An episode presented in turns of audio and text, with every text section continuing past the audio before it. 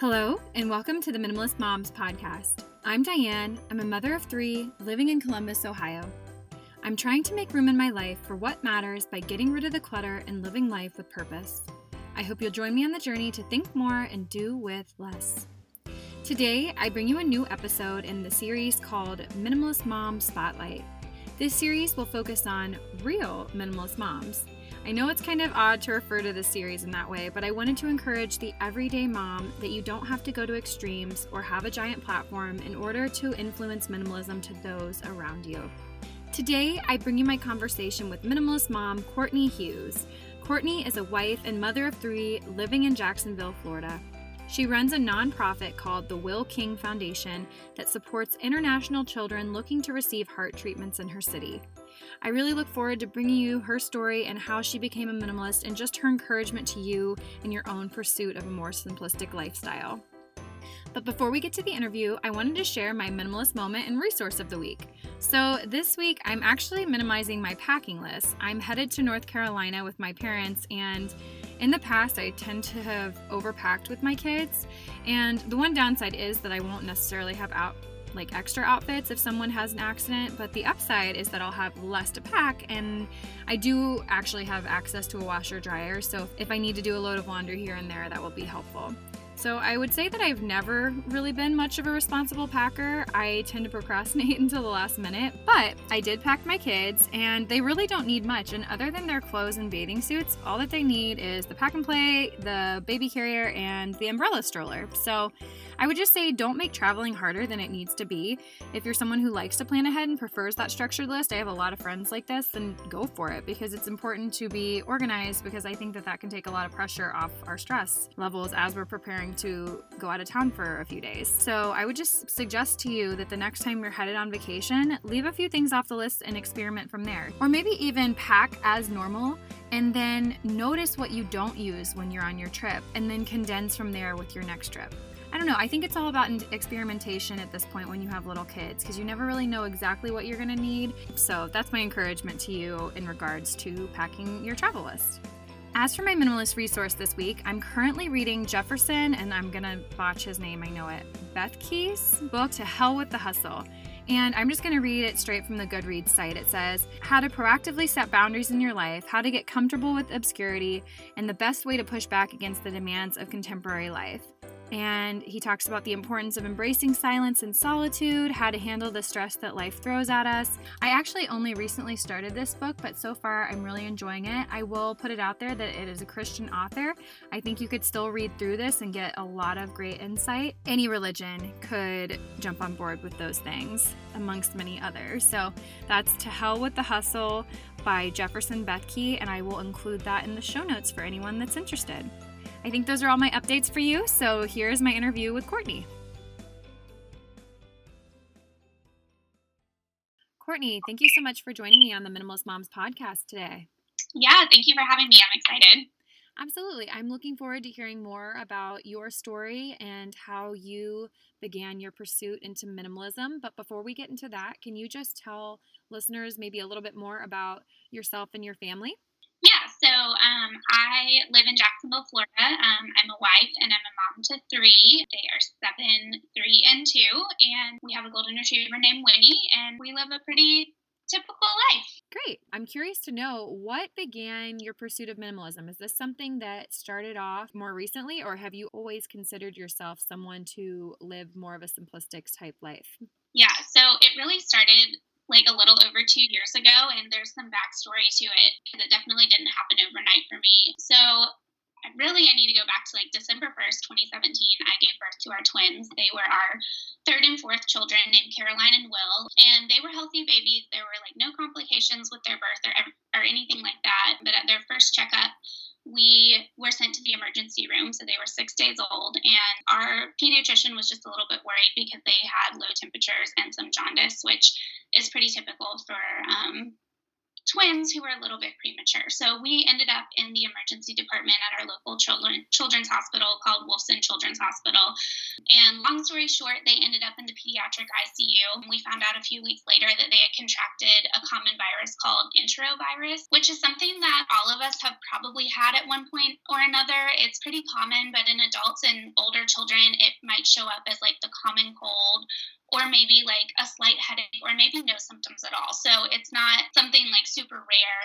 But since they were so young, they had weak immune systems and it was kind of just affecting every organ in their body. So they experienced something called multi organ system failure, which means pretty much everything was just shutting down. They were in heart failure, kidney failure, they were on ventilators for respiratory support. Um, Will was having seizures. It was just like one thing after another. And just to keep the background short, Caroline came home after about a month. She recovered, and then Will passed away on March 6, 2018. He was 96 days old from heart failure due to complications of the virus. And his passing really changed our life as a family and also my life personally in so many ways. Um, we ended up creating a nonprofit in his honor called the Will King Foundation so that we could support international children that are receiving heart treatment here in our city. And we did that just because we were so thankful that our babies had access to the specialized medical care that they needed when they were sick and learned that there are children all over the world that don't have that access. So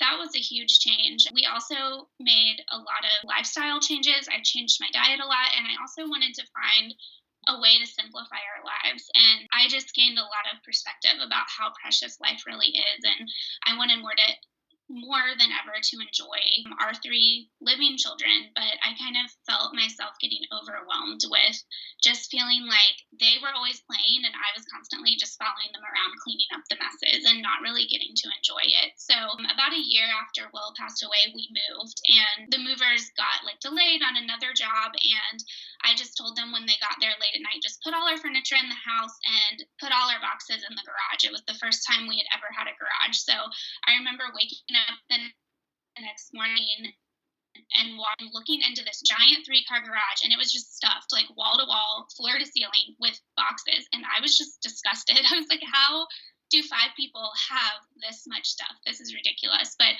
I didn't really know what to do. Um, I've always been like a pretty organized person, and I've always like kept our house pretty clean, but I just seeing it all there in one spot just overwhelmed me. So we got everything moved in, and over the summer, I noticed I don't know if you listen to books on Audible, but they sometimes give you like little recommended section. And I noticed one of the recommended books was a book called Good Goodbye Things, and I'm sure you've heard of it. It's Japanese author, and I decided to listen to it, and I was really drawn to the idea of minimalism, but I didn't really know how to connect because the author of that book is a single man living in Japan, and I was a wife and mom with three kids living in the United States. It was just totally different to me. So I started trying to learn more, and um, I started reading books and listening to podcasts like yours that kind of came to with a more realistic approach to minimalism. And I felt like you know, maybe there is a space here for me that doesn't involve so many rules and counting, you know, how many forks you have and and all that kind of more legalistic approach to it. So I kind of just started at the end of the summer with a big purge and I know that a lot of people that are an expert on minimalism would say not to start with like a really difficult place in your house.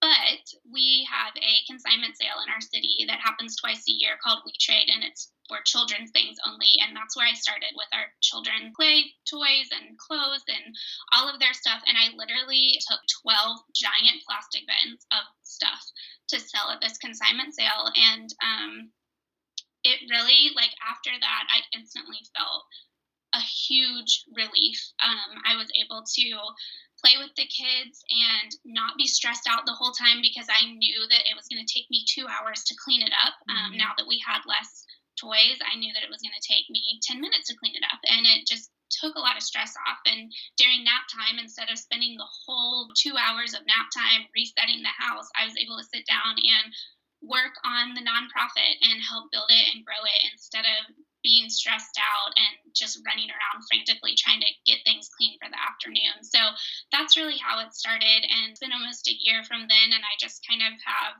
I don't really have a system, I guess, but I just kind of have gone room from room to room and worked my way through the house and um, have definitely seen like the positive impacts on not just my life but my family's life too and finding a version that works for us yeah well first i want to say thank you for sharing your story in regards to just your children. I, I, know that that's probably really hard to talk about, and I thank you for sharing it with people. And I think that sometimes it does take a pivotal moment to, I think, shift our focus and shift our intention. And maybe that doesn't happen for everyone, but your story provides so much encouragement that like you can go through really hard things and still be able to do this. So anyone can really start to pare down no matter what your circumstances are and just the lightness that you felt throughout this process. Yeah, I just appreciate you sharing that. I know that's probably not easy to share. Thank you. When you were going through all of this, did you feel like obviously it probably affected you differently than your husband not to say that you both weren't affected deeply but sometimes I feel like as mamas, you gave birth to these babies. So I don't know. I feel like I might experience death in a way that my husband might not. So did you feel like he was on board with this when you started paring down and seeing what it was that you, how you wanted to start living? I would say he's kind of neutral to it, but he loves the effects of it. So mm-hmm. he wasn't against me purging, but he wasn't also physically helping me do it, if mm-hmm. that makes mm-hmm. sense. Mm-hmm. Um, but he has, we've been married for almost nine years, and throughout our whole marriage, he's always appreciated that I like to keep the house organized. And when we've gone into other houses where it is kind of more chaotic and there's a lot of things all over the place, he'll leave and he'll always be like, I could never live there. Like, thank you so much for keeping our house clean and organized. And not to say that he doesn't help do that, he does, but he he wasn't like as gun ho as I was. I think that I was really the one driving it, but I'm thankful that he wasn't resistant. So throughout this whole process, what would you say? Uh, you've been at this for like two years now, right? About two years? Yeah. Okay. So, what would you say throughout this whole process has been your proudest moment in regards to simplifying? Well, I mean, I mean, I mentioned in our story that so many changes came after Will passed away. And another change that happened kind of more at the beginning of this year is my husband and I decided that we were going to get out of debt. And mm. we just saw like so many medical bills piling up. We had used our credit cards to do a lot of things when we were starting up the Will King Foundation and like buying things for fundraising events um, and just kind of using it on a whim because that was so important to us and we weren't really thinking personally how it was going to affect us. So I kind of saw when I did that first big clean out for We Trade that I could make money and be able to pay towards our debt by selling things. So mm-hmm. as I started going through more rooms in our house, I learned how to use a few different selling apps and you know, we're not millionaires because of it by any stretch, but it's really nice to be able to contribute it in that way, especially as a stay at home mom who, you know, runs a nonprofit that I don't get a salary for. I haven't really ever contributed financially to our family in that way. And being able to see that minimalism and kind of striving to simplify our lives not only takes the burden off because we're getting rid of things, but it also is helping take the financial burden off as we're able to pay down debt a little bit quicker because I've been able to contribute some with the things that we've sold. So I've been really proud that I've been able to contribute that way um, and help us reach those goals as well. Yeah, it's always so exciting and, and some sometimes it, it catches me off guard how much money I can make just selling things from around my home. What is that saying? One man's trash is another one's treasure. yeah. And I think a lot of times minimalism and frugality start to go hand in hand and mm-hmm because now I'm also thinking so much more about like, do I really want to bring this item into my home? And so we're also saving money in, in that regards as well because I'm not um, quite as lenient with the way that I'm spending our money because I'm really considering if I want each item to come in or not. Yeah, absolutely. I definitely I don't think that frugal people are necessarily minimalist, but I think that you're right. They totally go hand in hand once you start becoming a minimalist. Yeah, you're just more aware of the cost of things and not just the financial cost, but the cost of owning those things like you said, time spent cleaning up, the weightiness of it all. So, yeah, I can mm-hmm. definitely relate to that. So, I'm curious to know it's really difficult to be minimalist or to simplify every area in our lives. So, what would you say is your minimalist confession? What is something that you struggle to purge in your home? I love buying little girl clothes. and um, my two youngest are girls. They're two and three. They're only 17 months apart, and their closet is insane. Like, it's way too much. They have way more clothes than I do, but they love matching. They love dressing up. And I just have kind of learned, like, to give myself grace in that area because when you again when you lose a child it changes your perspective mm-hmm. and i just think i'm never going to get to do something as simple as like buying will clothes mm-hmm. but i can you know these girls love to wear fancy dresses and and match each other and i know that's not last very long so i've kind of just let myself have that area and their closet is nice and organized but there are too many clothes in there i know that but that's definitely where i struggle yeah they're just so yeah. cute it's so hard to say no it really is. Yeah. Especially when they enjoy it so much too and it makes them so happy. Yeah, I just try and stay out of the stores because I feel like I would be the same way. It's just yeah, so many cute things. And then with the hand me down, you know, our older one passes down to the younger one, but then it's like, oh, like if they want to get a matching dress for this season, yeah. then the younger one is building up double the the wardrobe because she also has all the hand me downs. So it just gets a little nuts. But kind of just like I said, giving myself grace in that area. Well, and yeah, and then at the end of all of this, like as they grow out of their clothing, you can bless someone else with those clothes as you start to purge those too. It's a win-win. so. Yeah. well, is there anything else that you'd like to say in regards to how minimalism has affected your life or just any encouragement you want to give to listeners?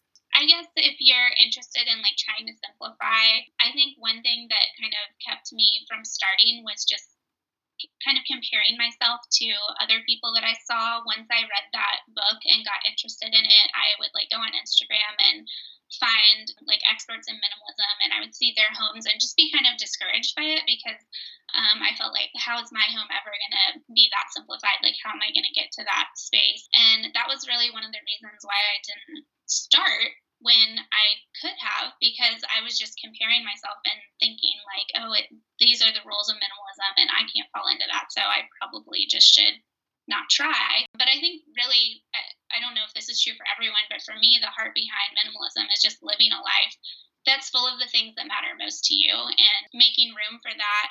For me, those things were enjoying my family and giving myself the ability to um, work on and grow the nonprofit that we started in a meaningful way that really mattered to me. So I think that if you can find why, what are the important things and why they're important to you, and kind of just get all those like rules, and if you're affected by comparison at all, get all that out of your head, mm-hmm. then I think we can kind of create our, our own definition of minimalism and really be able to live a life full of the things that matter most to us and the things that we really want to focus on. Yeah, absolutely. And I feel like even having this slight platform, I still compare my house to other people's because it's definitely not nearly as condensed as some others that I see. I guess that's partially why I don't share my home a ton because I don't ever want someone to feel like they're comparing towards how I live. It's not to say that I won't necessarily do it in the future. I want everyone that follows me to know that minimalism is going to look so different for everyone's life. And like you said, you don't you don't want to purge your children's clothes where that's something that I love to purge, but I don't want to purge all the library books that I have around my house or I'm trying to think of something else. But it just yeah. look so different for us all, you know? So. Yeah. where can listeners find you if they want to connect with you online? We have an Instagram page at Will King Foundation, and we're also on Facebook, and our website is willkingfoundation.com. So that's the nonprofit that we started, and I have a personal Instagram, but it's only like a few hundred people on there that are like close family and friends. So that's really where I'm most active and um, just sharing like the things that we're doing and the children that are coming over to receive heart treatment through our programs and everything. So that would be the best place. Great. Well, I'll be sure to include that in the show notes for people if they want to look you up. Well, as we wrap up here, I'm going to ask you the two questions that I ask every guest. And the first one is what is something that you're simplifying right now, aka what is your minimalist moment of the week? So I'm sure everyone um, is kind of trying to figure out all of these changes that are coming with the stay at home orders and everything like that. And for me, I've been really trying to simplify our meal plan. Um, I don't know about you, but I feel like I've been cooking about a thousand times a day, and everyone has lots of opinions on the meals and what they're eating. So I've pretty much just like gotten it down to like these are the five meals that we eat and try to switch it up so that, you know, there might be one little thing different to make it like new and exciting. But I've been really trying to simplify that and not put pressure on myself to be like making all these new recipes and fancy dinners and everything, especially during this time when we're cooking so much at home. Yeah, it's just it's harder obviously we can still go to the grocery store, but it's like we're not taking as many trips. So I've been doing the same thing. We have four different meals we're rotating at dinner, and I'm sure my kids are so sick of spaghetti at this point. But yeah, we eat a lot of pasta too. Yeah, I'm like tonight I threw in a can of tomatoes, so it's different, but not really. My last question for you is what is something that you can't stop talking about? Well, again, with kind of like the stay at home orders and everything, I think it's given us a lot of time to slow down and reflect on what we've been doing with the Will King Foundation and the, the last two years since we've started, I've been focused so much on really learning like how do you run a nonprofit? What do you do? How do you host a fundraising event? How do you um, start a website and all of those practical things? And one thing I've been wanting to do for a while is kind of like rebrand and create a new logo and have like a really professional, honest um, new look. Because when we started, I pretty much just like threw a logo together and threw up a website just to take donations because it all happened pretty fast. And so, since everything is slowed down, there are no international children coming to Jacksonville right now because there's no travel happening. We haven't really had a lot of activity in a lot of different areas, but mm-hmm. we have been able to kind of focus on the creative side. And we just finalized our new logo and our new website and kind of like our new look for moving forward. And I, if you go on our Instagram, that's all I've been able to post about and talk about because I just I love how it turned out, and I think it really tells our story well and represents what we're trying to do. So I've been kind of telling everyone about that, and I'm just excited to get that out into the world. Yeah, that's really exciting. Oh, that's yeah, that's wonderful. Well, as I said, I'll make sure that I include that link in the show notes so that people can go and take a look for themselves. So, Courtney, thank you so much for joining me today. Thank you for sharing your story. And I'm sure it's going to be such an encouragement to other moms listening. So, I just appreciate your time. Yeah, thank you so much. What did you think of this Minimalist Mom Spotlight interview? I hope that you found some inspiration in Courtney's story. And if you or someone you know would be interested in being a guest on the show, send me a message via email or Instagram.